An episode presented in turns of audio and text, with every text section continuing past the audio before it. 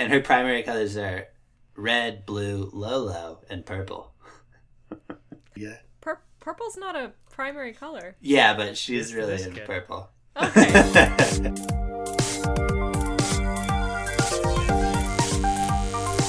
Well, I'm not a crook.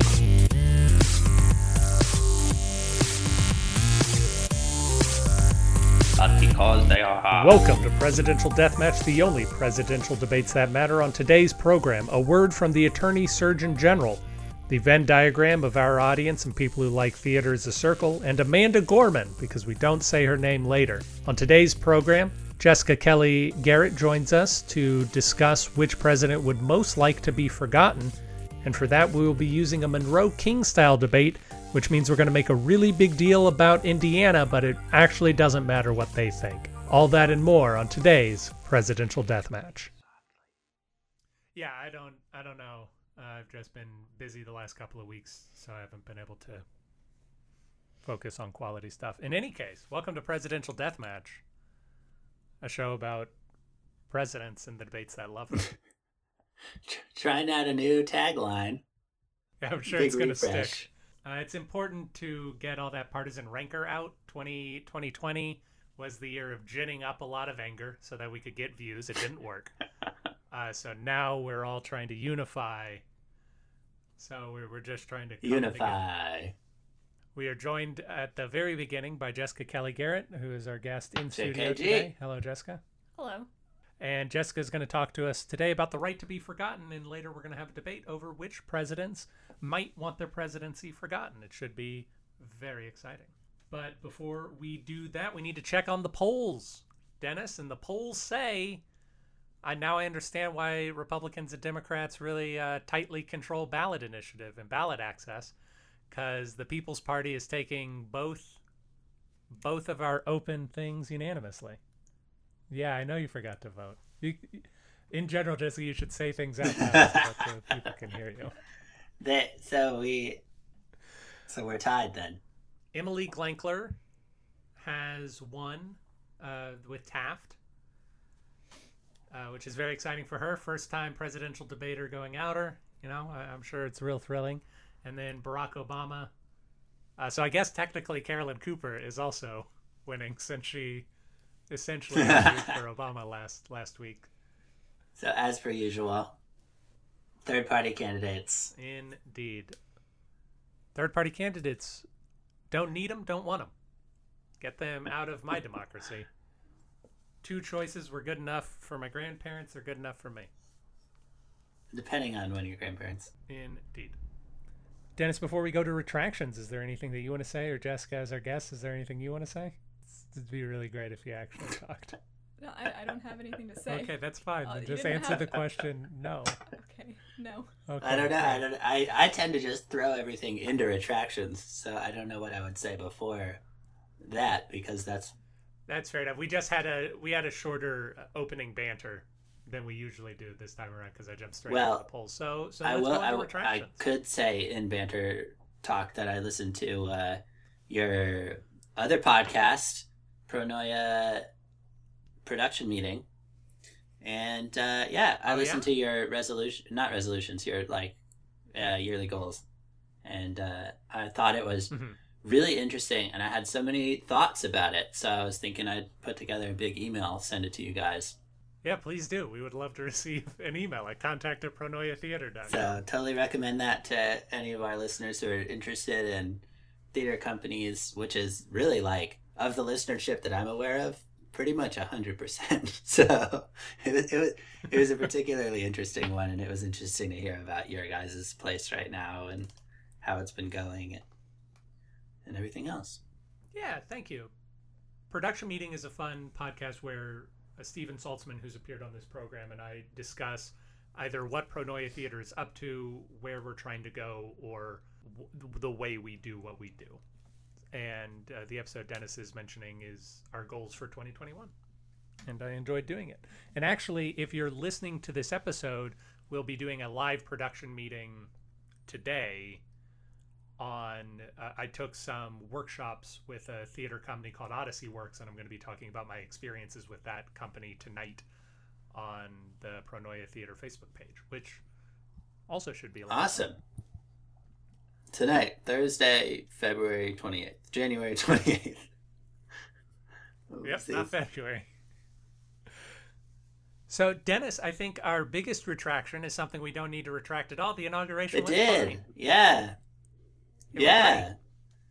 Yeah, no cause for concern, and I don't think any state houses were attacked either. So we, we did a good job. Did you two enjoy it? uh, country avoiding all that. I had to work that day, so so I caught up with Biden's speech later on. I didn't watch most of it, but I thought the speech was fine. It, it was a fine fine speech. I I enjoy the calmness. I enjoy the rhetoric of it. I don't think it's bound to go down in the history of great inauguration speeches, but there was nothing wrong with it by any means. Yeah, he has such a way of not sounding like he's speaking publicly. it's interesting. Yeah, which is weird because he kind of Yeah, yeah.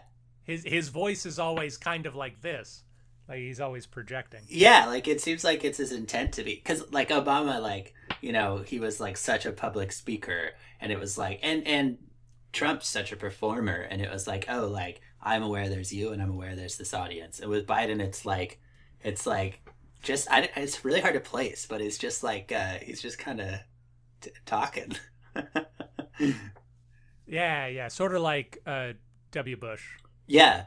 or H.W. Both both of them were were more colloquial, more relaxed. Well, Dennis, with the successful inauguration of Joe Biden, we have now had as many presidential Josephs as we have had Lyndons, Millards, and Rutherfords, which is very exciting for the name Joseph to finally tie with those Hall of Fame names right there.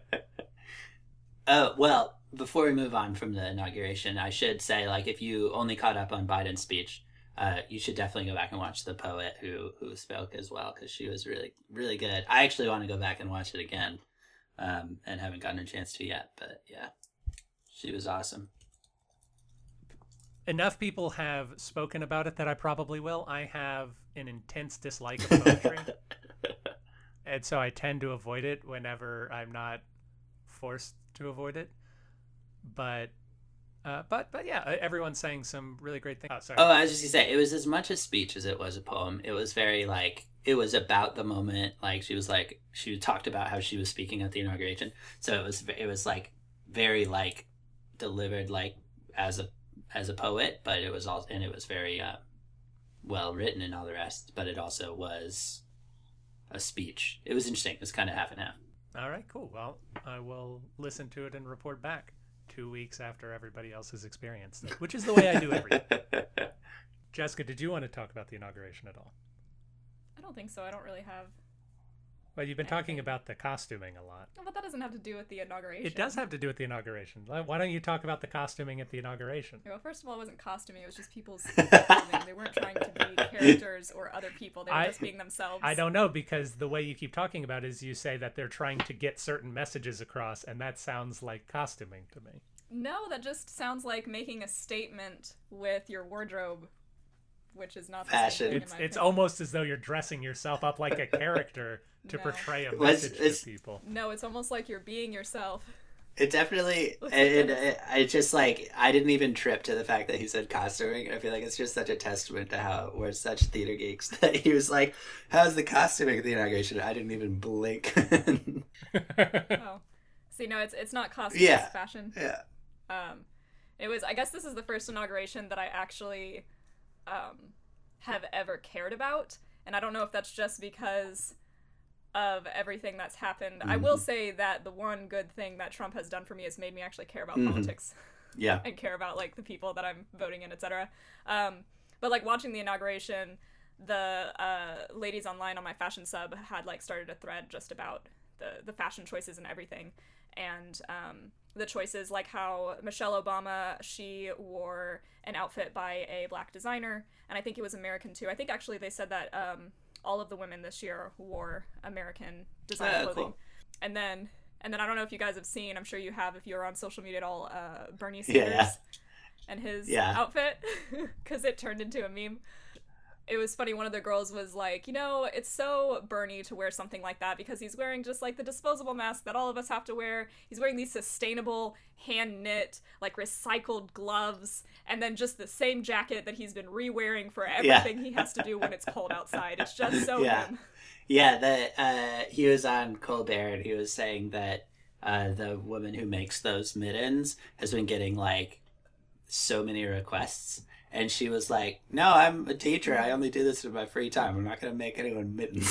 so, which is just uh, like the most Vermont thing. I think I think it's an interesting contrast though to like, for example, Michelle Obama, where her her very basic looking turtleneck was like eight hundred dollars by itself. So I mean, The one, so the only thing that I'm unclear about is like Lady Gaga's uh, Golden Bird. A bunch of people were like, it's from Hunger Games. And then I think she tweeted and said, it's not. but then, like, the Times was like, it's from Hunger Games. It, oh, like- I- yeah. no, it like I know that people got that vibe because she had the braid and she had the bird and all this stuff, but no, it was a dove with a olive branch because it was supposed to symbolize unity and peace. The and opposite. The Yeah. whole thing, like she Yeah. said that, yeah, as opposed to Yeah, forced Yeah. combat, Yeah. exactly. Yeah. uh, yeah, the Times was like everyone says it's a Mockingjay. I was I was not pleased with the Times because I know they must have seen her tweet and know that that was like not true. In any case, the inauguration, much like our discussion of inaugurations, pretty anticlimactic in a good way, I think. Yes, agreed. I had I had some follow up from last week. So last week we began the first round of our multi week game of discovering the highest position attained in the government by people from each state. And as we discussed, the Secretary of the Interior is the highest level for New Mexico Indeed. for Deb Haaland, but she was unconfirmed, continues to be unconfirmed. And so I thought, well, if something terrible were to happen and Representative Haaland were not confirmed, where then would New Mexico fall? Who is the next highest? What is the next highest rank attained from a person in New Mexico? Dennis, would you like to guess? Or Jessica, would you like to guess? Uh, besides Deb Haaland, who's going to be Secretary of the Interior from New Mexico, what is the highest position in the federal government attained by a citizen? Do you know offhand what level interior is? Is it like 14 down? Like 11 down? I believe it's the fourth. Oh, it's down. pretty high. I, I'm not going to say because, yeah, but I'm not going to say because part of our game later is getting you to guess what's one rung above Oh. interior, but it it's certainly it's certainly in the top five. Okay, so it's up there. Wh- Is New Mexico like, was the someone like, uh, in like uh, Homeland Security or something? Something Air Forcey. Homeland Security is a good, yeah, it's a good guess. It was a trick question though. It's still the Secretary. Oh, really? Interior. There are two other yes, there are two other New Mexicans who were secretaries of the Interior, including the first New Mexican Secretary of the Interior, Albert Fall. And Dennis, I'm guessing you don't know that name off the top of your head. Alpha. Right? Al Fall. Al Fall was Warren Harding's Secretary of the Interior. And can you think of anything special about Warren Harding's Secretary of the Interior? Terribly corrupt. That is correct. Teapot Teapot Dome. Albert Fall, the man uh, who was New Mexico's first and thus far highest position of attainment in federal government, is responsible for the biggest executive corruption scandal that we currently know about. The Teapot Albert Dome Fall. scandal. Middle name Alfalfa. And in research, this isn't really a, a true retraction. I just thought it was interesting to bring up uh, in accordance with Dennis and I's theory of everything has already happened. Of uh, in in researching this week's opening joke, I discovered some tumult around the certifying of the election results in 1816, where a man named John Taylor, who was a representative from New York, voted against the certifying of the Indiana election results, uh, even though it would not change the result of the election. But he made a big stink about it and he caused many hours of debate. And everybody told him to shut up, and then they voted through the certifying of the results of Indiana. But his his argument was interesting, which is he claimed that Indiana was not a state at the time of the election, and therefore they should not be allowed to cast electoral. Just votes. like completely out of nowhere made that Uh, claim, or was it was it like was there some grounds on which to claim that Indiana was not a state? yeah. the The grounds were that the election took place in November, and the Congress did not pass a resolution recognizing Indiana as a state until that December. Ah, but all of all of the the signatures and stuff that were needed had been signed back in June and Indiana had two senators in the Senate and it had a representative in the Senate. In, Indiana had been a state for about 4 months it's just no one got around to saying, "Oh, and by the way, everyone, uh, this is Indiana, please stand up. Indiana's going to be joining Right. us in the Congress for for the next little bit of time until they secede." Indiana didn't secede. I, I apologize for casting aspersions. we regret the error. We do regret that error in particular. Uh, Indiana is very intense about how into the Civil War it was As the as a union, Union side. Yeah, they had so many volunteers they had to turn them Wow. away in Indiana. wow. In any case, Dennis, do you have anything else for retraction? Um, well, we talked about Trump's placement in the rankings of presidents uh, as like a follow up last episode. And Christine, my sister in law, sent me a New York Times article where they kind of did that um, as well. And where they talked to a bunch of different historians about where Trump's place would be in the in the presidential rankings.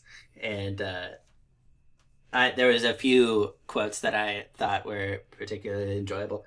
One was uh, this guy Ted Widmer, who is a professor of history at the City University of New York, said that uh, he said I already feel that he is the worst, and then he said that uh, sure. as bad as Buchanan was, he was not as aggressively bad as Trump.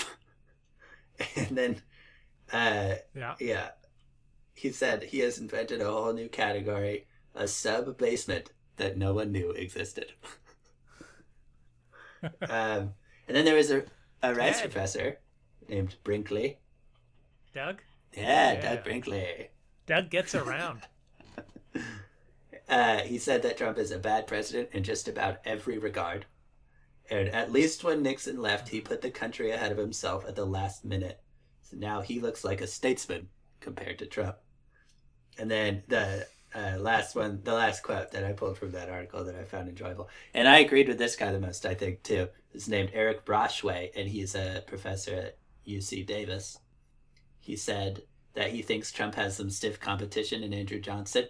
But uh, if I had to predict where historiography would go, I think people would have to recognize that Trumpism, nativism, and white supremacy is what he means by that, has deep roots in American history, which we talked about a bit last week as well. How that's kind of like the thing about it that keeps coming up. And he says, but Trump himself put it to new and malignant purpose. somewhat new. Somewhat new. He was more aggressive, as the first guy said. He was more aggressive about using it, but it's not as though Trump was the first person to attempt to marshal Right. white supremacists for Yeah, I agree. for Yeah. uh, for for political Yeah. gain. I- Mr. Uh, George Wallace segregation yesterday, segregation today, segregation tomorrow. Uh, he won three states with that Really? speech. In any case, yeah. And Andrew Jackson. presidential mentioned, deathmatch uh, regrets the other day. Yes. Yes. And the man I'm going to talk about today in my debate as well. Also. Ah. But uh, Christine, thank you for telling us about that article. We really appreciate it. And Presidential Deathmatch regrets the errors. Dennis, before we force our guest to speak, who has been sitting here very silently most of the time, why don't you tell us about who you're going to debate? Yeah? I'm going to be talking about James Buchanan today, who uh, is often considered to be the worst president of all time, but we'll see what uh, history says going forward as we get a little further from this present moment. Um, he was the 15th president right before Lincoln, and so he really bears most of the historical burden for uh, the Civil War happening in the moment and the way that it did. Um, so it was one term from 57 to 61 in the 1800s. It's a weird way to say that. Um, but he was basically a political dude. He was a lawyer and then just like he was Secretary of State. He was uh, an ambassador to the United Kingdom and minister to Russia at all different times throughout. He was a congressman, a senator, um, and the whole time was well, he's from Pennsylvania, but was very much a Southern uh, sympathizer. Uh, basically, just being someone who supported states' rights. He was um, a- as that was becoming more and more the thing. So uh, then, as it just got more and more and more and more intense, he found himself more and more on that side of that extreme.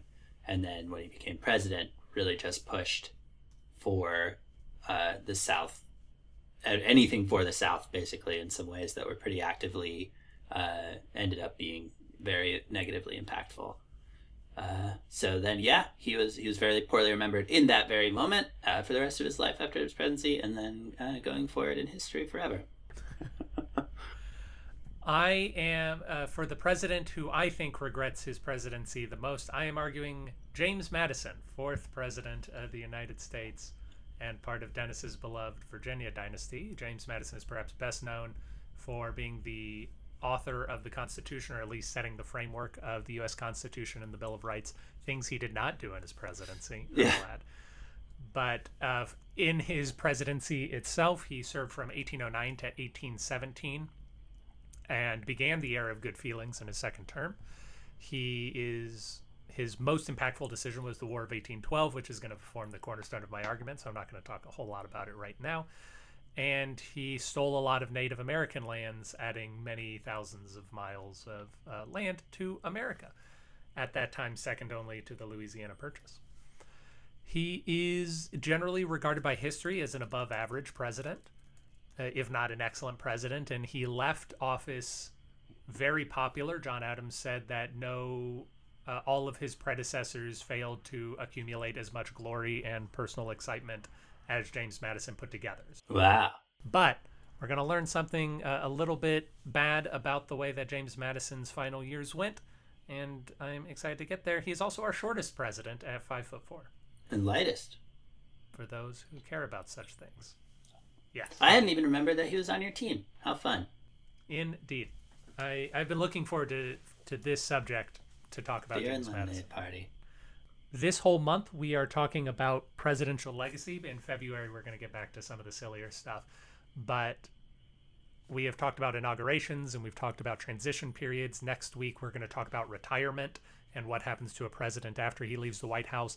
But today, we're going to talk about negative legacy and which presidents want to be forgotten. And as it turns out, in our world of a lot of data and information being accessible and public shaming being on the rise, people wanting to delist information from the internet or uh, remove certain things from public knowledge is very big, and it's led to a movement, a legislative movement called the Right to Be Forgotten. To discuss the right to be forgotten, we have graduate student Jessica Kelly Garrett. Jessica Kelly Garrett, how are you today? Doing okay. How are you guys? We're doing all right. You're going to need to project a little bit. All right. Is this better? Yes, this is Okay. great. So, Jessica, what can you tell us about the right to be forgotten? So it so the right for, to be forgotten is this. So, some people say that it's a recent idea that came about because of like technology, but even though it might not have always had this name, it's definitely been an idea for uh, a while. Uh, other people call it the right to delist or the right to oblivion, uh, and basically what it boils down to is just uh, very very basically just privacy. Um, so in the past, which I noticed that you guys chose two presidents from um, long time ago. That's true. Yeah. Um, but in the past, like back in their day, there was a lot more separation of the private and the public spheres. Um, and today, there's a lot more of that line being blurred due to electronics. Um, like you can't just sit in a room and like have a whisper conversation with someone and you know that it won't leave that room unless that other person talks. You know maybe their phone is listening maybe they're recording you maybe they have google glass and they're recording you. Like there's a lot more today that's capturing these things in the different spheres. Or even if you're walking down the street and talking to someone someone else could be recording a youtube video and catch you in the background. Um, and uh, in addition nowadays there's also this thing like digital versus organic memory whereas in the past human memory was what we relied on. It was super imperfect. It was uh, organic. And nowadays we have that more perfect machine memory because machines don't necessarily die. People do. Machines don't necessarily lie uh, and they remember a lot better and a lot longer. So, right to be forgotten, there was legislation, I can't remember what it was called before the GDPR, uh, but most recently, the in Europe, the GDPR was passed, and it basically says that, like Google, um, has to take in requests from people from pri- private citizens. Yes, Aaron. Does the GDPR stand for anything in particular? It does, but I didn't write it down. Okay. Um, and I don't want to flip back to my paper when I'm mid sentence. All right. Fair Thank enough. you for interrupting. um, so, so it was this big law that was passed in Europe, and basically Google has to take in requests from private citizens to delist sensitive information or private information that's showing up when you Google their name that they don't think is relevant, they don't think is appropriate, and they want just scrubbed from the internet. And actually, as of, hang on, I have a statistic in here. Uh, by 2016, Google had delisted at least 600,000 search results.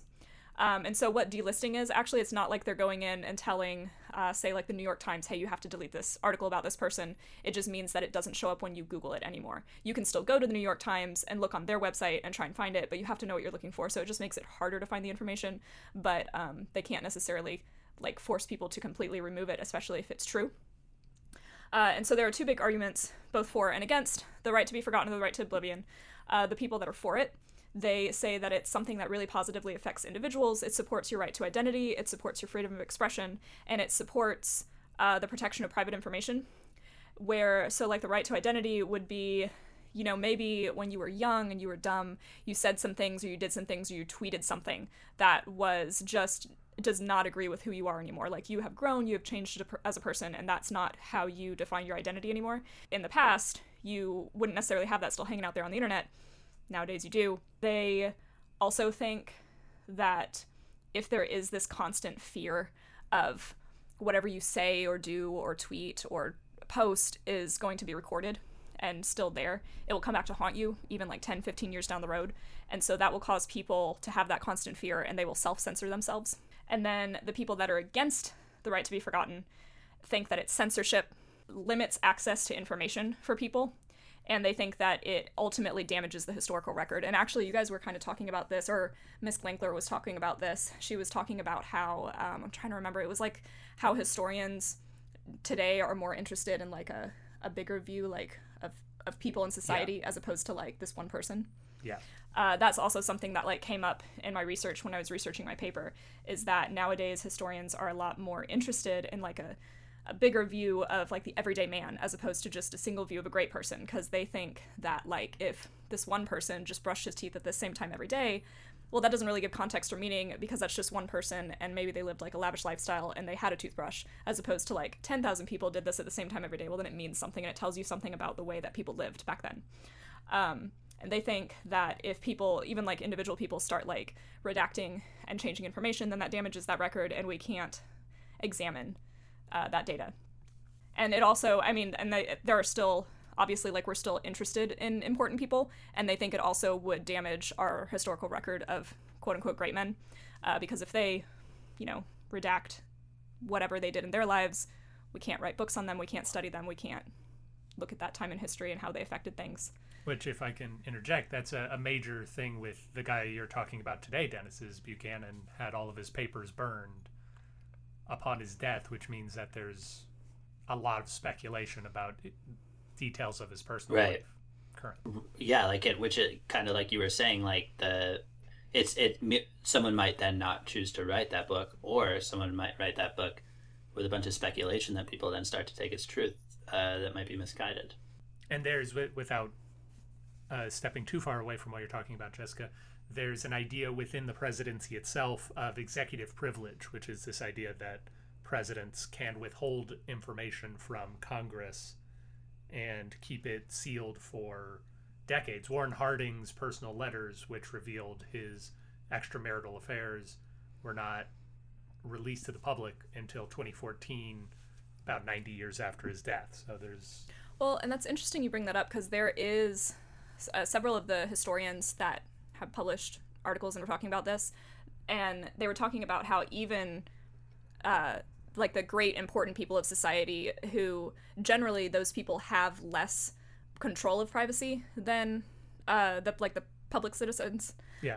but at the same time they also have a greater control of what information is posted and like put out into the world, and a lot of them actually even have um, plans uh, like worked into their will and worked out with lawyers and worked out with their family so that when they die it's very exact and specific what happens with all their documents and everything whereas like you and me necessarily wouldn't have something like that Right. the views of this kind of privacy and the right to oblivion and the right to be forgotten is very different uh, in the USA and the UK versus like the rest of Europe. Um, I think in one of the articles they actually said it was a common law versus civil law difference in view, but basically the USA really, really values the freedom of speech over the privacy of the individual. And there are a lot of people that say that the right to be forgotten is completely incompatible with our First Amendment, and that that's why it hasn't come up here and it hasn't become a thing, even though Europe is going ahead with it. Even though there are a lot of citizens that want it, there have been several court cases, I think, around the same time that the initial court case in Europe for the right to be forgotten that kind of like spurred all, spurred all of this. Uh, when it was happening, there were actually two similar cases that were happening in the US that didn't get any press or any news, and they were completely basically like shot down because the court system was just like, well, nope, what they said was true. It doesn't matter if it was 15 years ago. That's really too bad for you. Right.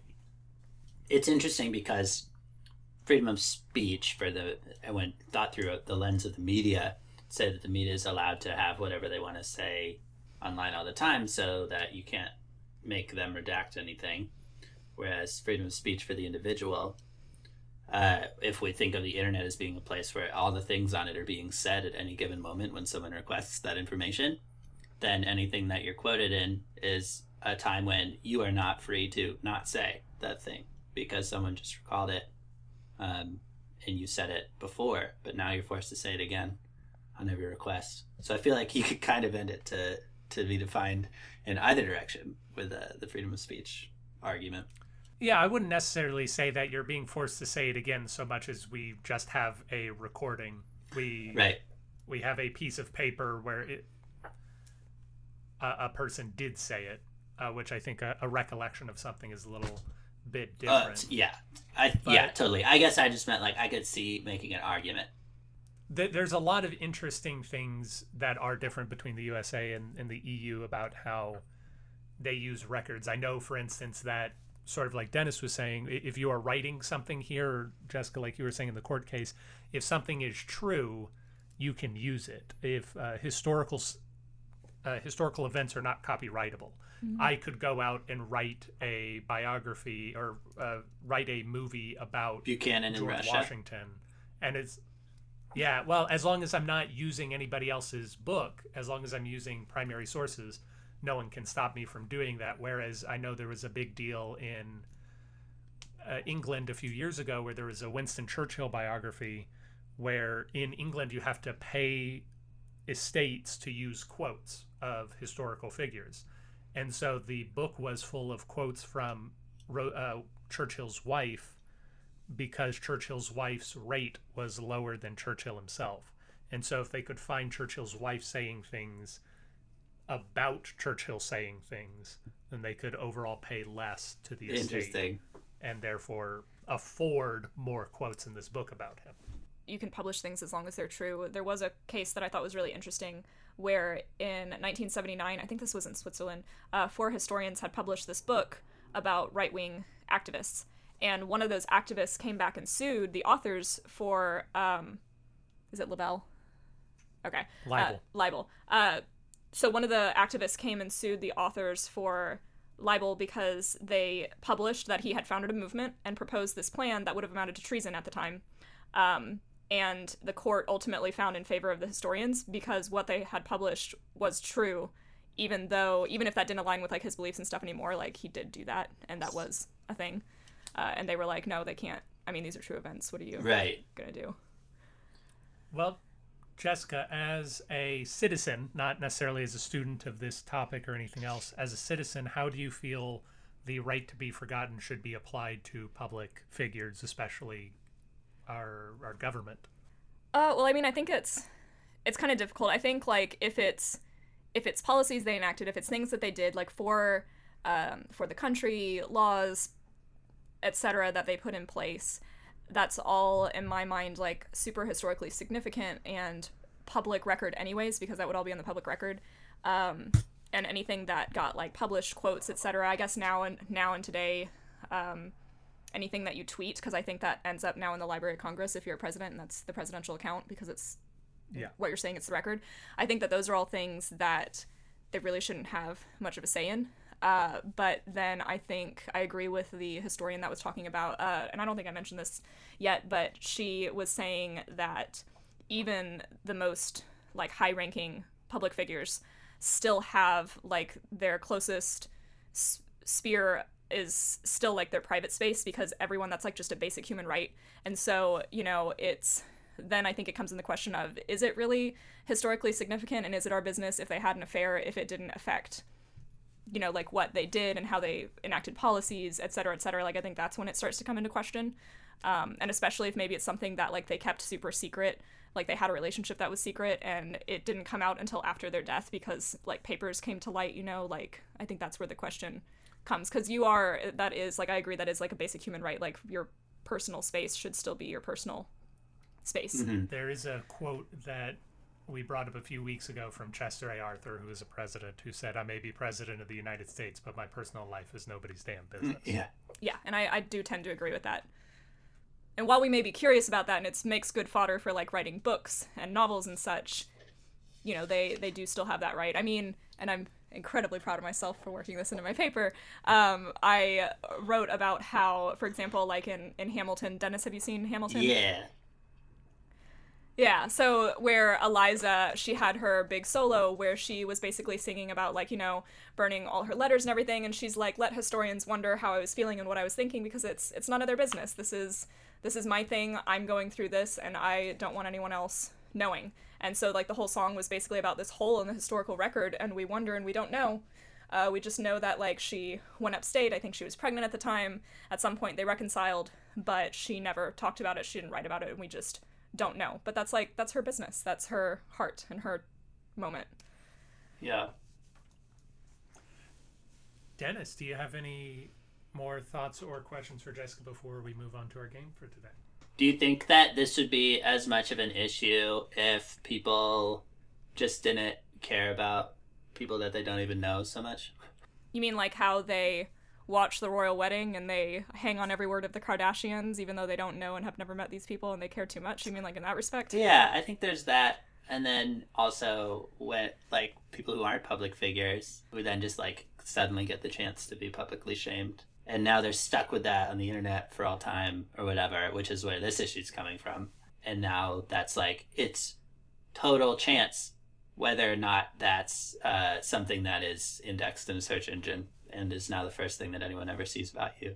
Um, first thing that your kids ever see about you, or first thing that your kids' friends ever see about your family, like etc. If people could just like recognize that it's total chance whether or not that is something that ended up getting indexed permanently, uh, and leave it alone. You know, I don't know. It, it's uh, Yeah. like which of course can't happen but uh it's yeah um, maybe a more fair question that i'm not just coming into with a bunch of opinions is is like how do you think that this interfaces with um the idea of forgiveness? And then also like whose whose responsibility is it to actually uh, have any role in in that if it does have anything to do with forgiveness? Well, would you be looking for forgiveness as like immediately or if this is something that's surfacing even though it's been 10 years would the forgiveness come upon like that resurfacing or after their death or where are you looking for the forgiveness to come into play Well, I guess when what I found interesting about it is like this person requests that they be on, you know, not searchable on Google. Now they're asking Google, who's mm-hmm. this arbitrary third party, to determine whether they deserve to be forgiven in the face of the public for what they did in a way, you know?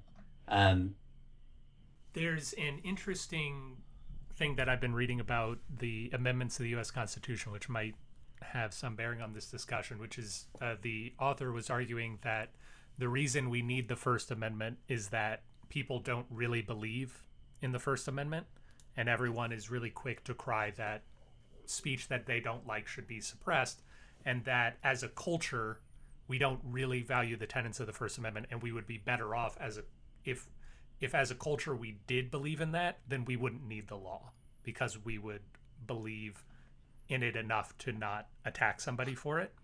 And it might be similar that if as a culture we believed in not judging a person by the first thing that comes up in a search result, or as a culture we believed in not bringing up a statement that somebody said 10 years ago as proof that they are insufficiently human now, that we would not need or Europe would not need this law because we wouldn't use it against somebody.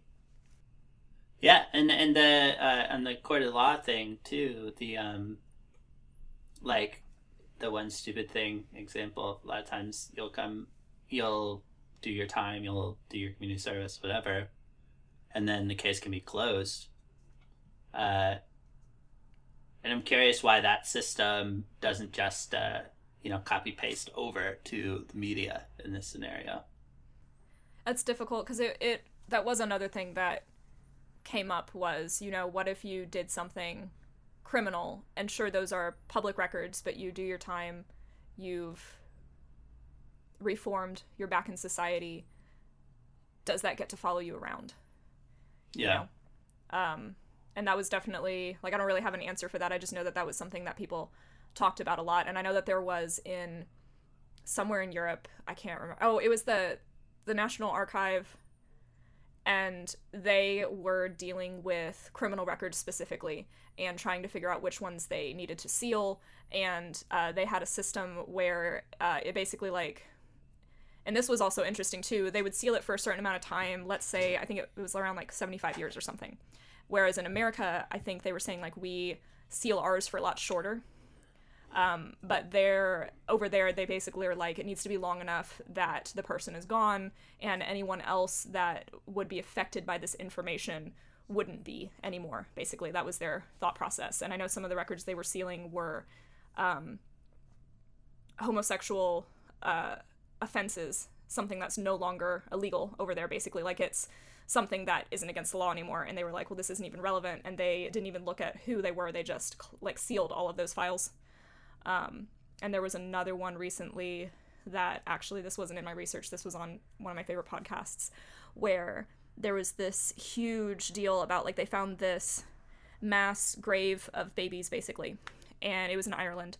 Um, and there was a big like search like there was um, i'm trying to think of the word for it. Like they basically like the government looked into it um, and they created this huge report but so much of it has been sealed and redacted to protect like the names of the mothers involved and the names of the babies that they found and the names of the nuns and everything and it's sealed for like 75 years. So even if we had wanted that information or even if the survivors of this had wanted the information they can't access it um, and that was they were like well it's to protect them because they're all still Mhm. alive basically Interesting. Such a question, you know, such an open question.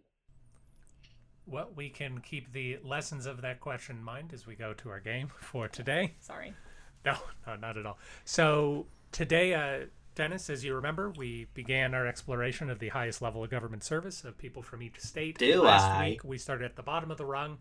Secretary of the Interior. Do you remember the states, the four states of Secretary of Interior? New Mexico, Yes. Colorado, North Dakota, Yes. Yes. Idaho.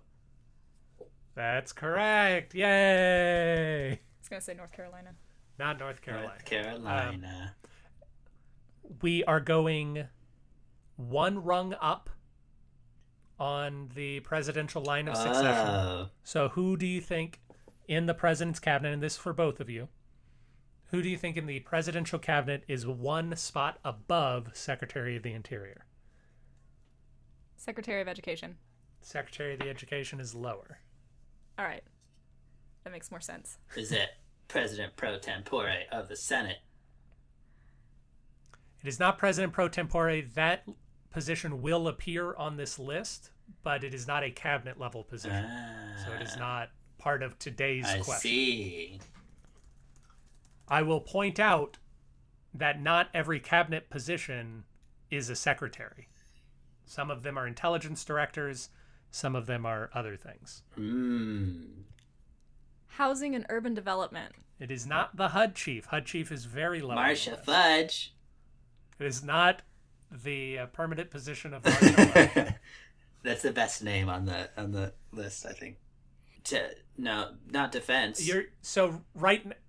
Yeah, right now all of y'all are reaching for obscure parts of the cabinet. This is not an obscure thing in the cabinet. This is something we are all very familiar with, and we hear about this Is person it a lot. defense?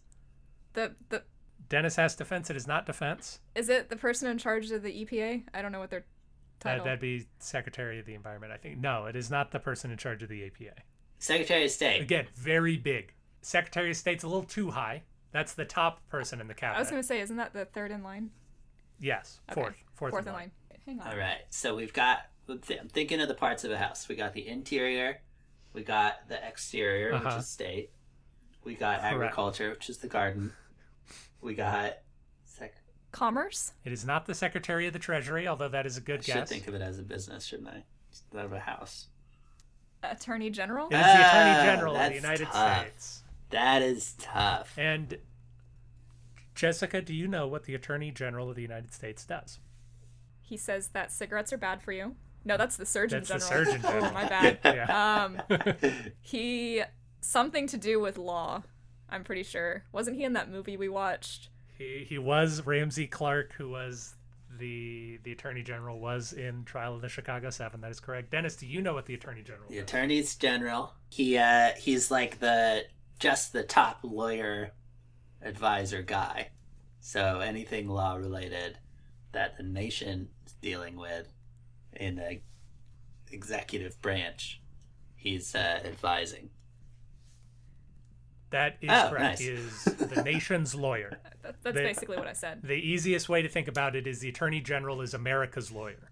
Specifically, not the president's lawyer, because it is often up to the Attorney General to keep the president accountable for whether the president is breaking laws or not. The Attorney General is the head of the Justice Department.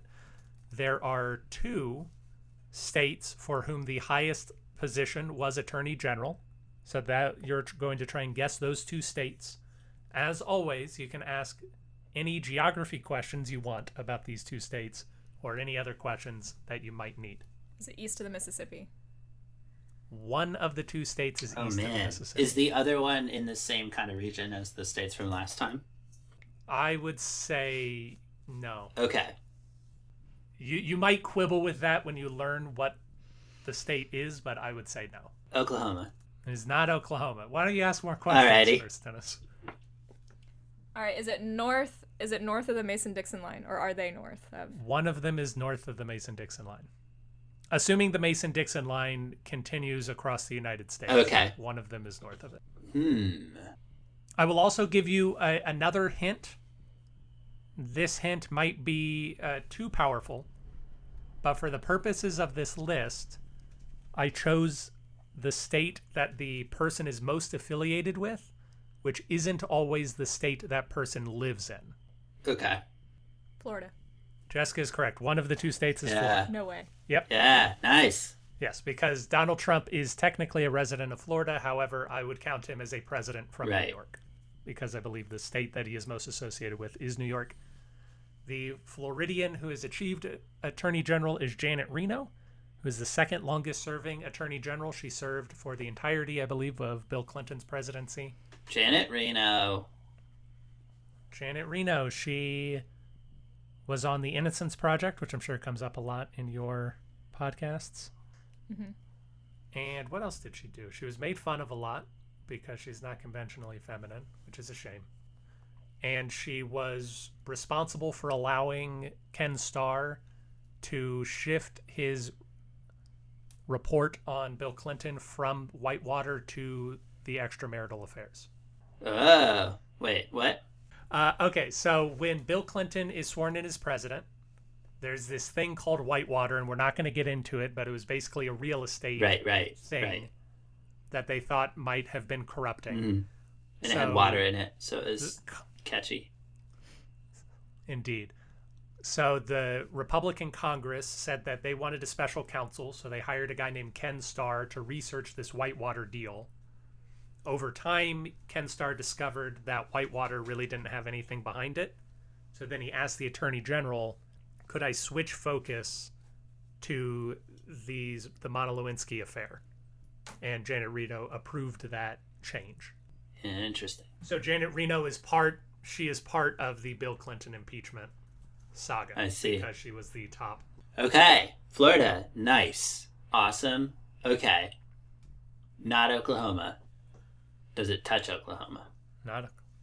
It does not touch Oklahoma. All right. Oregon. yeah, you, you got it. Well done. Do we only guess three states? I believe you did only guess three states. Yes, well done. So George Henry Williams was Attorney General for Pick a name. Ulysses S. Grant. Yeah, another three named man. George Henry Williams was Attorney General from Oregon for Ulysses S. Grant. He helped continue Grant's policies of attacking the Ku Klux Klan, and like many people in Grant's cabinet, was forced to resign due to a corruption scandal. Uh, and, And he, he was, was- mocked for not being traditionally feminine. Yes, very much so. Uh, but thankfully, not being traditionally feminine scores you big points in Portland, where he later served as mayor. Interesting. After being ousted in disgrace. Yes, and then he was also had some disgrace as mayor of Portland, where they also said that he ran into some corrupt bargains. Oh man. Yeah, Well, see, you know, he had the right to be forgotten. He, He didn't used it to it. his advantage, and he just strike two. You know. yeah. Strike two, you're out. Before inflation, you only got two strikes. All right. Well, thank you very much. When we return, we will have a discussion over which president would most like to be forgotten. Welcome back. We had a delightful discussion that may or may not be heard uh, somewhere in this episode about Dennis's niece's color preferences. But we are back to talk about which presidents would like to be forgotten. Jessica will be moderating this discussion. And I would like to point out, Dennis, I think that there's an interesting distinction here between presidents who are bad and presidents who would like to be forgotten. Because for a little while I was thinking of putting in Franklin Pierce, Mhm. but that's all he's got. At the end of his life, all he's got is the fact that he was president. Mm, So even if his presidency wasn't all that great, I don't think he'd want it to be forgotten. interesting. So James Madison's primary achievement for the United States is undoubtedly setting the US Constitution and then writing the Bill of Rights. And a lot of the Constitution and the Bill of Rights took aim at restricting federal government power. By the time that James Madison gets into the presidency though, he is hemmed in because he is not as popularly supported as Thomas Jefferson was, and the Federalist Party, led by Henry Clay, begins to bully him into getting into a war with England, because both England and France are doing some unsavory things to American shipping vessels. If you want to ask, I can talk about it some more. James Madison doesn't want to speak out against France, even though France is doing some bad stuff to us because the Democratic Republican Party likes France. So he decides to pick a fight with England, and essentially we get our butts kicked. England invades us. It is the only time in American history where our capital was invaded and then burnt to the ground. Uh, and that didn't even happen in the Civil War. And then following the war, nothing really changed for America. The the treaty that they signed essentially just solidified what the problem was before the war happened, which is not great. And the only reason that the British even surrendered or called a ceasefire is because it was too expensive to fight us. So at the end of his presidency, James Madison has started a costly war, very expensive war, not succeeded at any of his aims, and generally doesn't have any achievements to hang his hat on. And in so doing, he has also expanded federal government power, which is a thing that he explicitly set the government up not to do when he wrote the Constitution and the Bill of Rights. In and of itself, I think that James Madison would dislike the actions he took in his presidency if he could separate his ego from it. But then on top of that, at the end of his life, James Madison became obsessed with his legacy and the way he would be viewed, so that he took to finding old letters and editing them and crossing lines out and writing new words in. And he reportedly even resorted to forging Thomas Jefferson's handwriting in a response to him. So we know that James Madison was kind of driven insane by the thought that history was going to be judging him and kept trying to change the way that history judged him. That is why I think James Madison would, if he were given the ability, blot out his presidency. Nice. So should I go now? Yeah, yes. Alrighty. You know, how many episodes in are we at this point? At least four. And I'm like, what happens next? cool. Uh, I talked about. I'm. I didn't talk about anyone yet. I'm going to talk about James Buchanan, uh, Jr., who was 15th president, as I mentioned earlier. He was right, leading up to the Civil War, and then right at the end of his presidency, uh, during his lame duck period after Lincoln had already been elected, that's when multiple states seceded, and the uh, the whole thing really kicked off. And um, he was not pleased that that happened. He said, "Okay, that's the that's the last straw. We're gonna have to go to war." Um, but he was a northerner from Pennsylvania in all of that time during his presidency who was trying to really not go that direction. He thought there was still a way that the whole thing could get figured out um, and stop being an issue. And the answer in his mind was to just totally let the South get their way with everything. He thought that the tensions weren't too far for that to just work. And he leaned really, really, really hard into that. It is never, uh, it happens to a lot of people in their lives, I think. It's never a good feeling to get to a place where, to get pushed up to a place, to a position where you suddenly uh, realize that you just don't, you aren't equipped. Uh, and that your outlook that has worked for you so far in life it's no longer going to be one that works, and there's nothing you can do about it until, uh, in retrospect, you could see that it was the, the wrong way to go. I remember hearing about uh, Exxon CEO talking about how one of the things that he discovered in his career that had worked really well for, for him was if he ever promoted someone up to a place where they stopped succeeding, he didn't like let them go. He just put them back at the position they'd been at previously because they'd done so well to get to where they'd gotten because they were good. That didn't just because they'd gotten one rung too high didn't mean that that was it was all a bust. Um, and I think it's a similar thing with uh, Buchanan, but really you could see the effect of it uh, after his presidency. Um, his legacy was terrible, and he got death threats constantly and everything pretty much immediately because of the Civil War kicking off. He wrote a memoir to try to uh, defend himself and to try to improve his brand and uh, and then at the end of his life, he burned all of his letters and everything else, um, as Aaron mentioned earlier too, uh, to try to uh, just erase any personal digging into uh, to him and to because of his right to be forgotten. I think he thought maybe on some level as well. So so yeah. Jessica, do you have any questions? So are you guys trying to argue? You guys are trying to argue, just to clarify, that your presidents would want their presidency forgotten, correct? Yes, that is what I am arguing.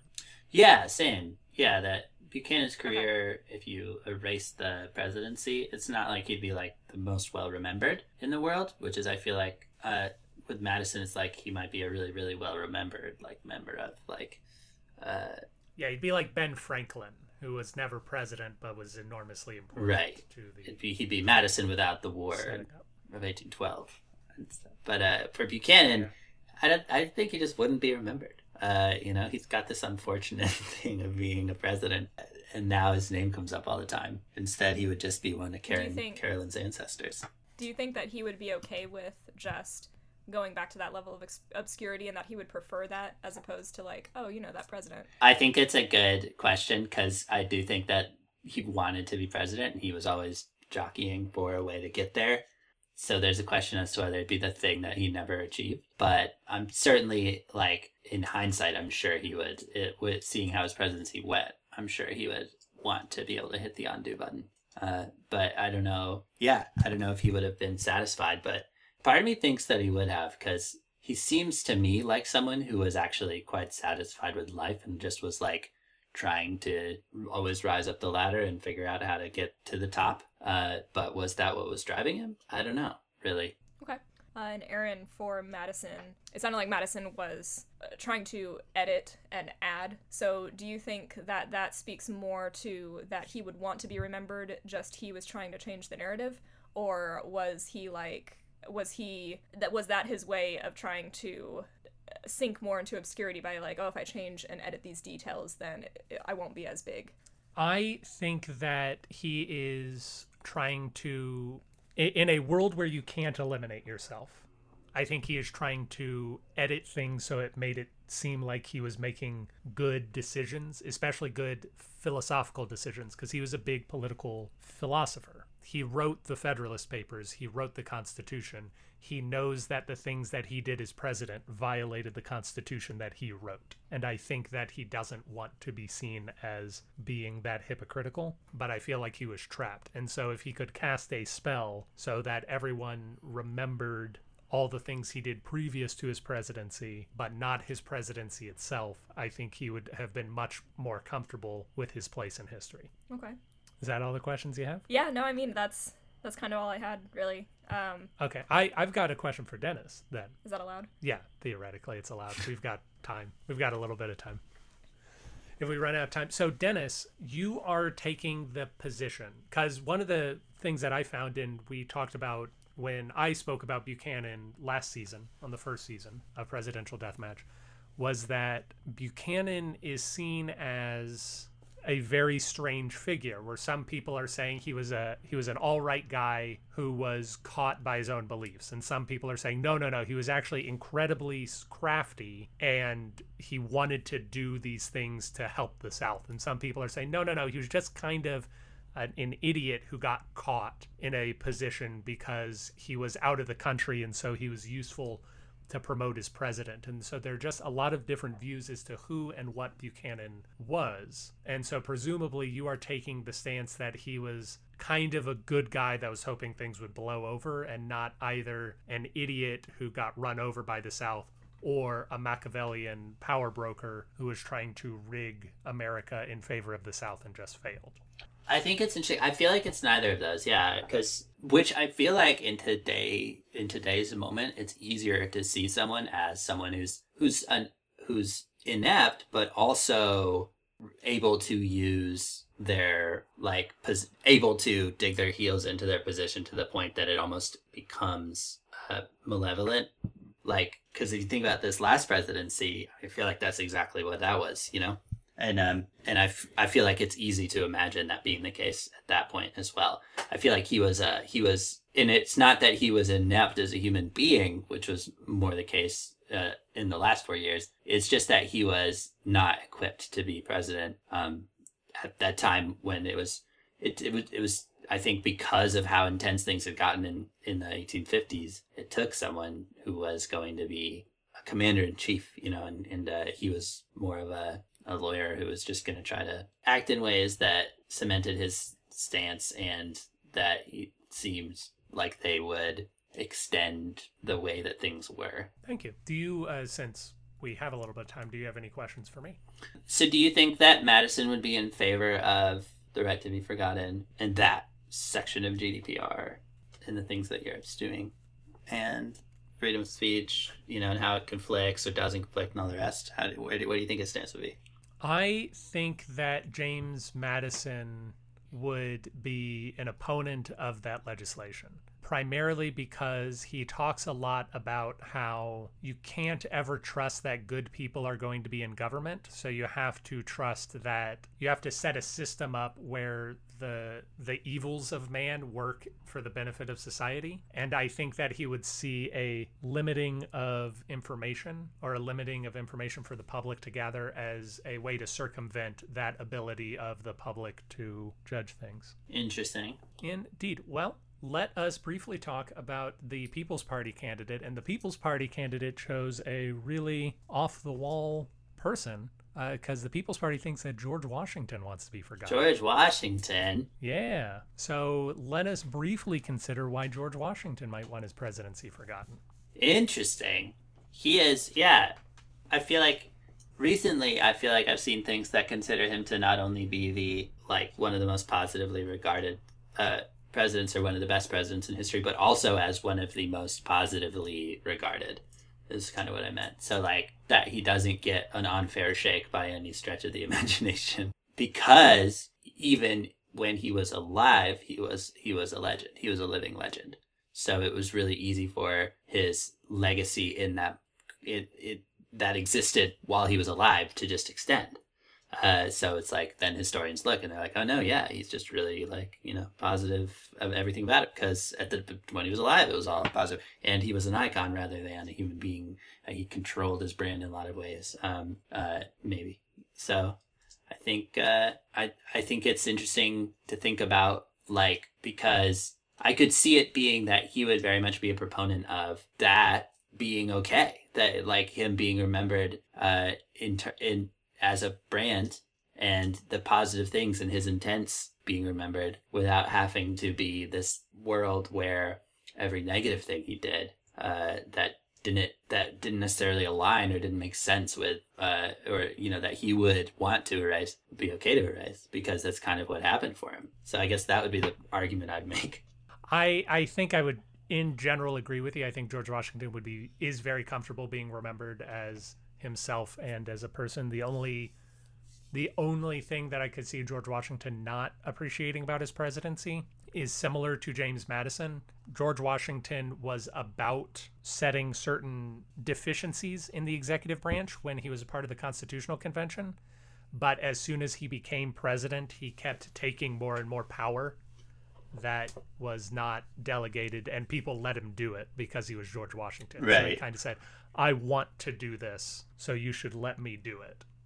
And I could potentially see him not liking that. Certainly, if he's given the entirety of knowledge about the history of America and seen how presidents acting unilaterally has affected the country, I could see him not liking that part of his presidency. But for the most part, I, I don't know that this is a guy where we can make a good argument for why he'd want to be forgotten. He had a healthy ego. I think that he enjoyed his time as president, and I think that he would see that most of the precedents that he set were good for the country as a whole. But yeah, no matter who you want to vote for, you can do so at the link that you find in the description of the video. And we certainly hope that you do vote. Dennis, we're hoping that next week your mom will join us for a discussion about presidential retirement. indeed i think i think they both will join both my parents All right, very cool. We'll get to sit down with them and talk about what what presidents do when they retire and see what they're up to as they retire. indeed But that'll be a lot of fun. Until then, everyone have a great time. Thank you for listening to Presidential Deathmatch. Presidential Deathmatch is a production of Pronoia Theater. You can find more out about us at pronoiatheater.com. This program was edited by Aaron Garrett with music by Dennis Buddy and hosted by those same two lovable goofballs. You can always email us at contact at pronoiatheater.com. If you enjoyed the program, we ask that you rate and review wherever it is you found us. It really helps us out. And if you didn't like the program, why don't you stick around? We really grow on you.